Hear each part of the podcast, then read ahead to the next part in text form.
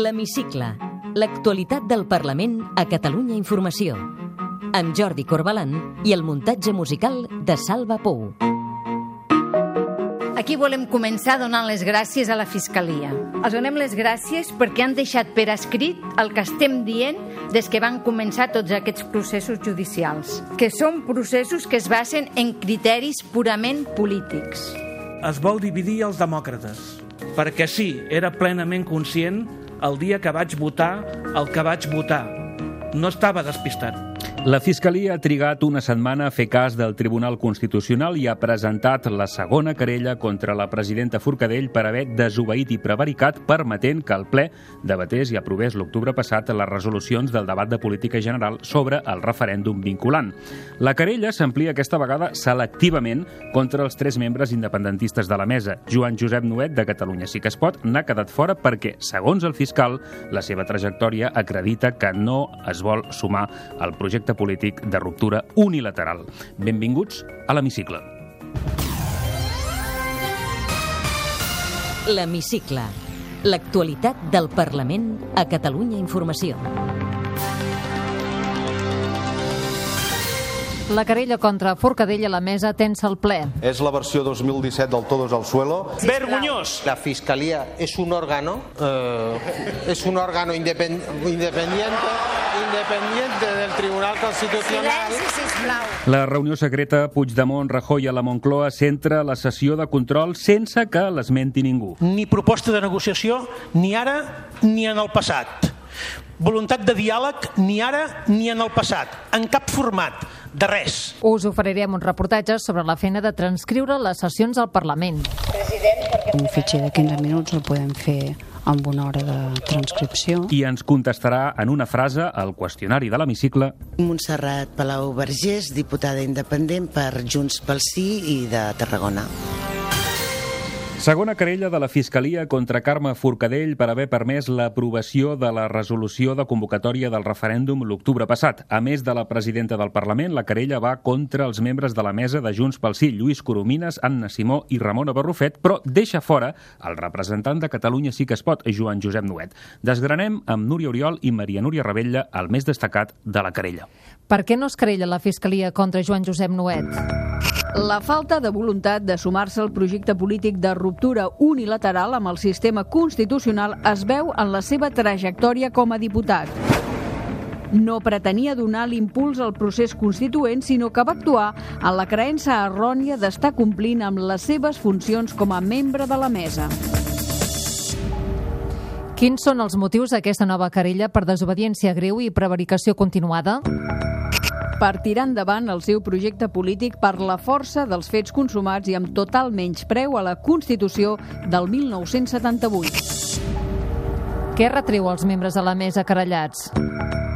Novament tracten de desenvolupar de manera unilateral i sense subjecció a l'ordenament constitucional l'anomenat procés constituent encaminat a la creació d'una futura Constitució catalana i de l'Estat català independent. I a la presidenta Forcadell? La seva constant i obstinada voluntat d'incomplir. Després de conèixer la presentació de la querella, la presidenta del Parlament va acusar la Fiscalia d'haver actuat ideològicament contra l'independentisme. Carme Forcadell va compareixer acompanyada dels tres membres de la mesa contra els quals també s'ha querellat la Fiscalia i els va fer costat Joan Josep Nuet.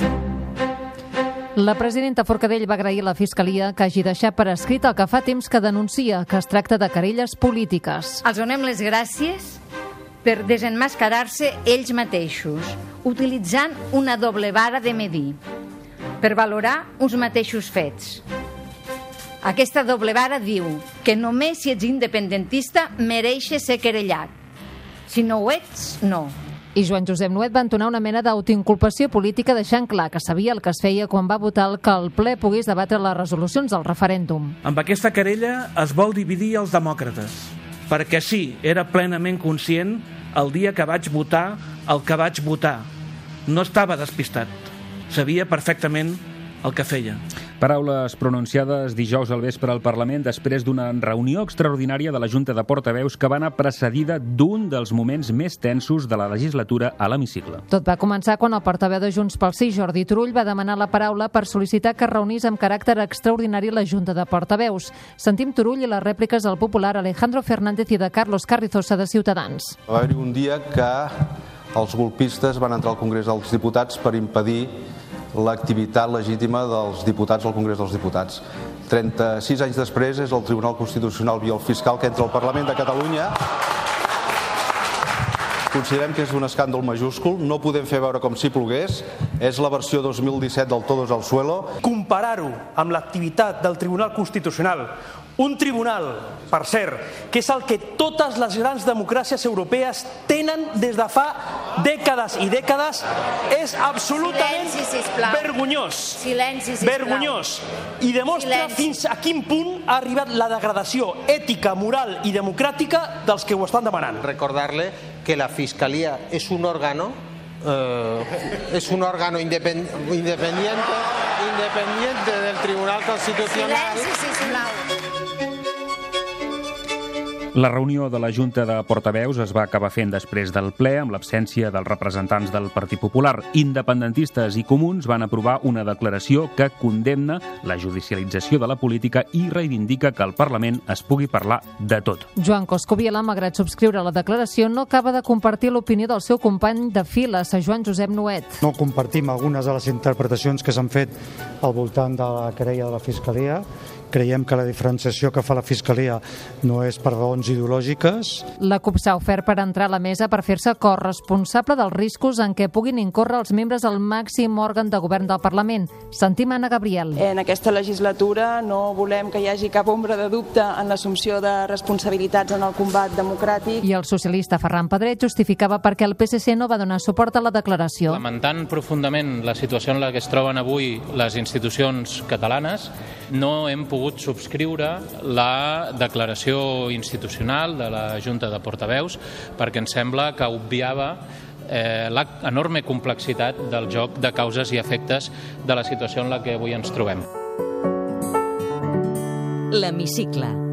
L'actualitat del Parlament a Catalunya Informació. La justícia, doncs, ha tornat a irrompre al Parlament en una setmana de ple en què la sessió de control es va centrar en el serial d'intriga política de la reunió que l'11 de gener van mantenir a la Moncloa els presidents Puigdemont i Rajoy.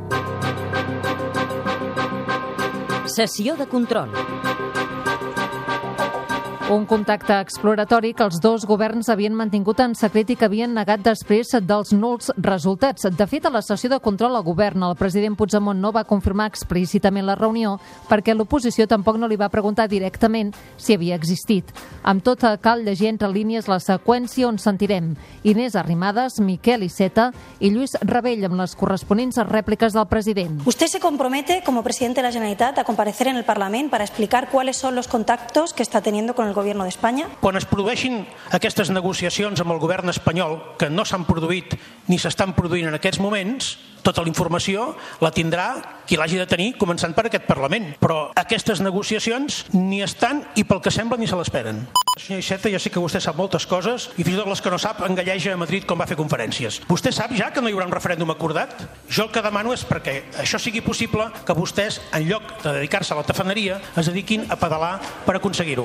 A part de quedar clar que a vostè li molesta que els catalans sàpiguin el que fan privat, sabem que no hi ha acord amb el govern d'Espanya. Ara sabem que hi ha converses i ho celebro i més n'hi hauria d'haver i amb més resultats hi hagi millor. No serem nosaltres els que retraurem al govern que tingui contactes secrets amb el govern espanyol. Nosaltres voldríem que estiguessin dialogant cada dia amb el govern espanyol, però no s'amaguin, deixin de jugar als pastorets, no enredin l'opinió pública, no és cap vergonya que vostè parli amb el senyor Rajoy.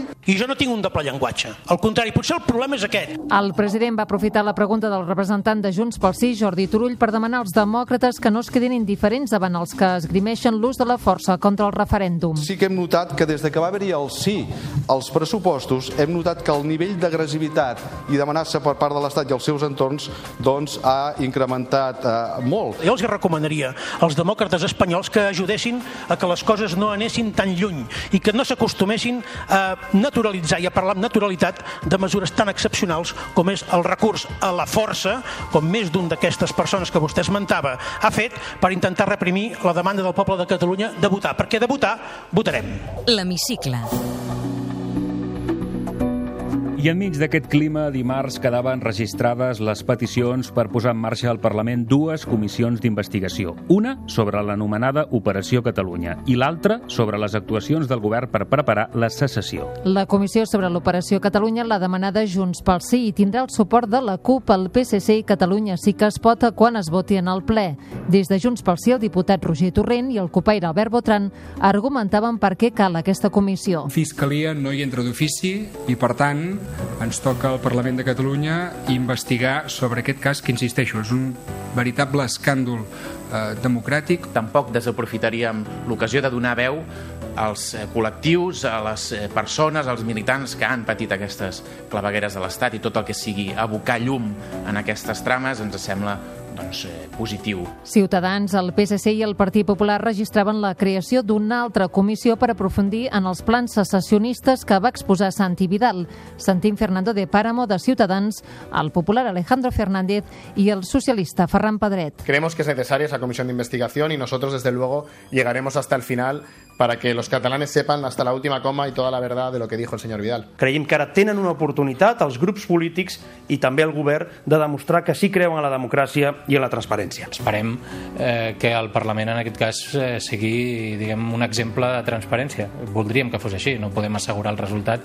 Una vegada es constitueixin les comissions, els grups hauran d'acordar les compareixences que no sempre són obligatòries. Junts pel Sí i la CUP van tornar a evitar que el president Puigdemont hagués de donar explicacions dimecres dimecres en el ple per les polèmiques afirmacions de Santi Vidal.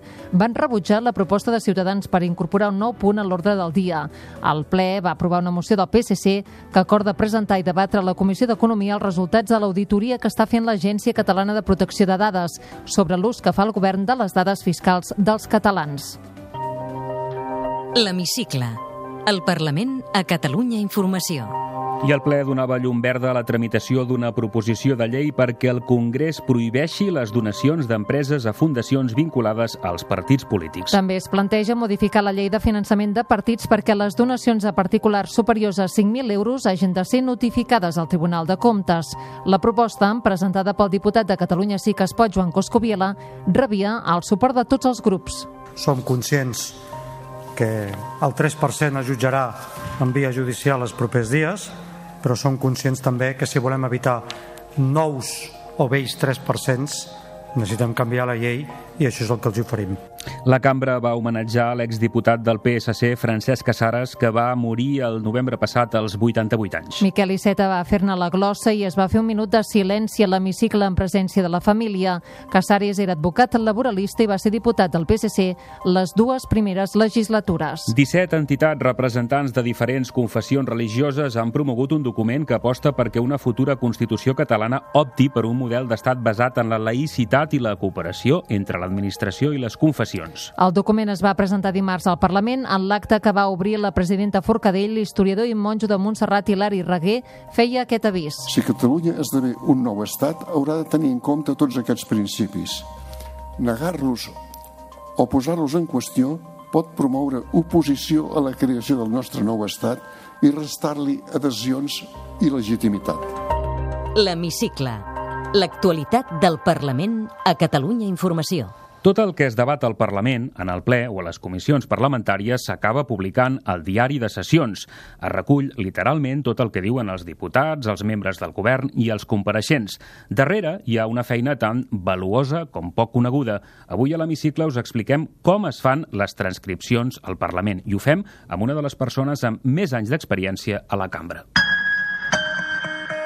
Em dic Neus Pinar, treballo al Parlament des de l'any 83 i sóc la, la responsable de l'àrea de transcripció del Departament d'Edicions. Quan jo vaig entrar aquí, el, la transcripció es feia bàsicament amb, amb una caset de 15 minuts de durada i ara el que es fa és eh, el mateix sistema però amb, amb, amb un fitxer de MP3. President, per què em demana la paraula? Sí, per una qüestió d'ordre.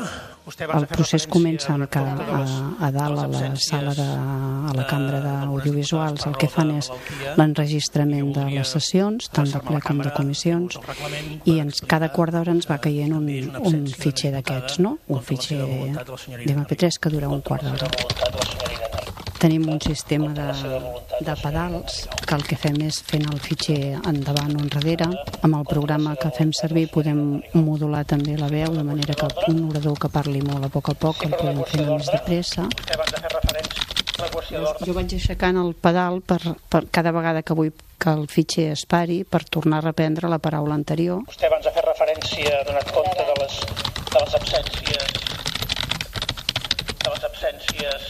Vaig entrar al setembre de l'any 83, uh, és a dir, fa 33 anys ja, i era l'últim any del president Barrera, per tant, he viscut unes quantes legislatures. La feina sempre ha sigut la mateixa, tot i que s'ha hagut d'anar adaptant a, als canvis, no? perquè al principi bàsicament es feien transcripcions de comissions i ple, eh, hi havia moltes menys cara, per tant el volum de feina era bastant més reduït i a partir de que el, el Parlament ha tingut una activitat que ha anat sempre increixent, doncs eh, l'organització administrativa també s'ha hagut d'anar adaptant a aquests canvis. No? S'inicia la votació per alteració de l'ordre del dia i per incloure les És una transcripció en brut d'entrada, és a dir, és una transcripció que s'ha fet a, a, a tota velocitat perquè saps que, que és una cosa que corre pressa i que després ja té un procés de, de revisió, de correcció i, i posteriorment l'edició en paper i, i penjat al web de, del diari de sessions corresponent. No? Dos preguntes, señor Rato y poco simbólicas. ¿eh? ¿Sabe qué es esto? Lo que hacen en Irak con esto. El que el Parlament va optar des del principi era això, és mm, reproduir fidelment allò, allò que passa, no? I fins al punt que a vegades et trobes que, que hi ha gent que et diu escolta, més que jo vaig dir això però volia dir allò Mm, sí, però és que va dir això. Clar, 4,8 milions és molt, bueno, es pot arribar a tenir 4,8 milions. Però quan ens costava molt de transcriure el president Pujol, per exemple, i ens costava moltíssim, i ell sap me l'estimo molt, el David Fernández. Senyors i senyores portaveus, senyors diputats, senyors Un diputats, lletrats, senyor Bayona... Important o transcendent, el dia, per exemple, que el Llac va, va substituir a la Muriel Casals a la comissió. M'hi obliguen el record del seu tarannà, la riquesa del seu caràcter i el mestratge de la seva condició Aquesta legislatura hem tingut hem tingut moments difícils també, no? I, i penso que aquest en va ser, en va ser un. Suret dibuix de la vida que en la Saue... La Mireia Boia, que, que ens parla en baranès. Bon dia a tothom. Uh, volem començar dient que Catalunya... La Jessica Albiach, que, que parla de, amb accent valencià. Bona tarda a tothom. És una interpel·lació... I el Sergi Saladier, no? I, I aquests accents que són de fora de la, de, de la Barcelona doncs s'agraeixen molt de tenir també no? agrair a la meva família a la meva dona que és aquí i a la gent que m'està cada legislatura hem de tenir l'aprenentatge de tornar a acostumar la nostra oïda a noves veus. Clar, això és un aprenentatge que cada quatre anys, i últimament ha sigut bastant més ràpid perquè les legislatures han durat menys, ens hem d'anar acostumant. Queda constituïda la onzena legislatura.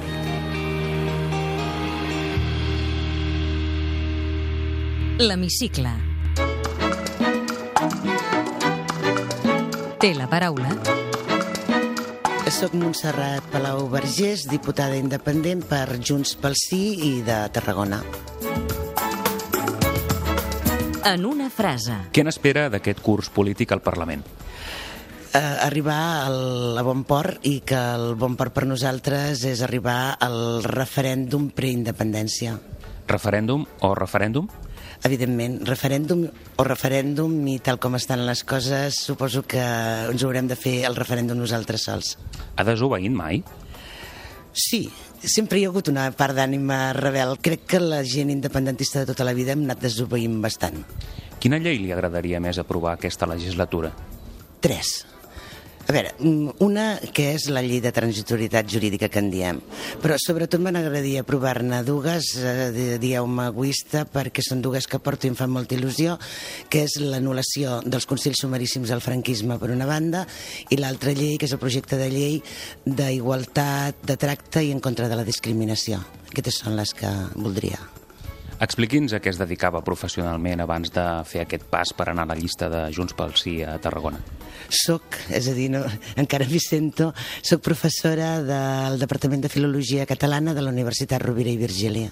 A la política hi està de pas o li està començant a agafar el gust? És una etapa molt apassionant eh, i, estic, i soc per casualitat i crec que hi, soc de, hi estic de pas i, i l'objectiu és molt clar. Un referent polític, Totes les dones feministes d'abans, d'ara i de demà. un referent literari. Ui, moltes o moltíssimes obres. Eh, clar, és la meva, la meva vida, la meva professió. Les autores catalanes, po- posem la Mercè Rodoreda, la Caterina Albert, la Maria Aurelia Campmany, i m'agrada molt la literatura anglosaxona. El procés donaria per fer literatura? Sí, i de molts tipus.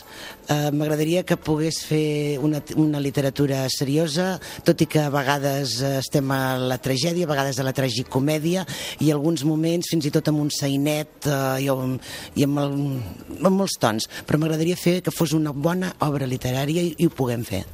S'està fent prou des de la política per avançar en la igualtat de gènere? Estem fent de dret, eh, falta de fet.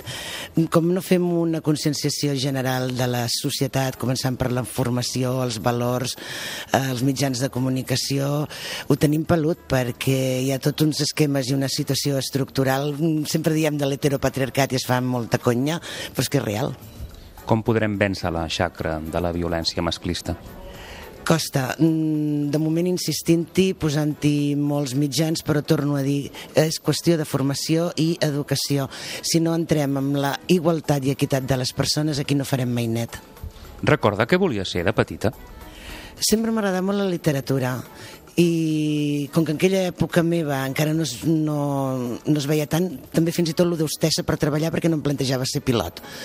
Uh, però el tema de literatura i docència és una de les coses que m'han agradat. Acolliria una família de refugiats a casa? Sí, tot i que, evidentment, i que com més en l'edat, eh, costa compartir l'espai, però recordo la gent, la meva gent, la nostra gent del 39, i això és molt clar. Viu de lloguer o de propietat? De propietat? Té segona residència? No. On s'escapa quan vol desconnectar del tot?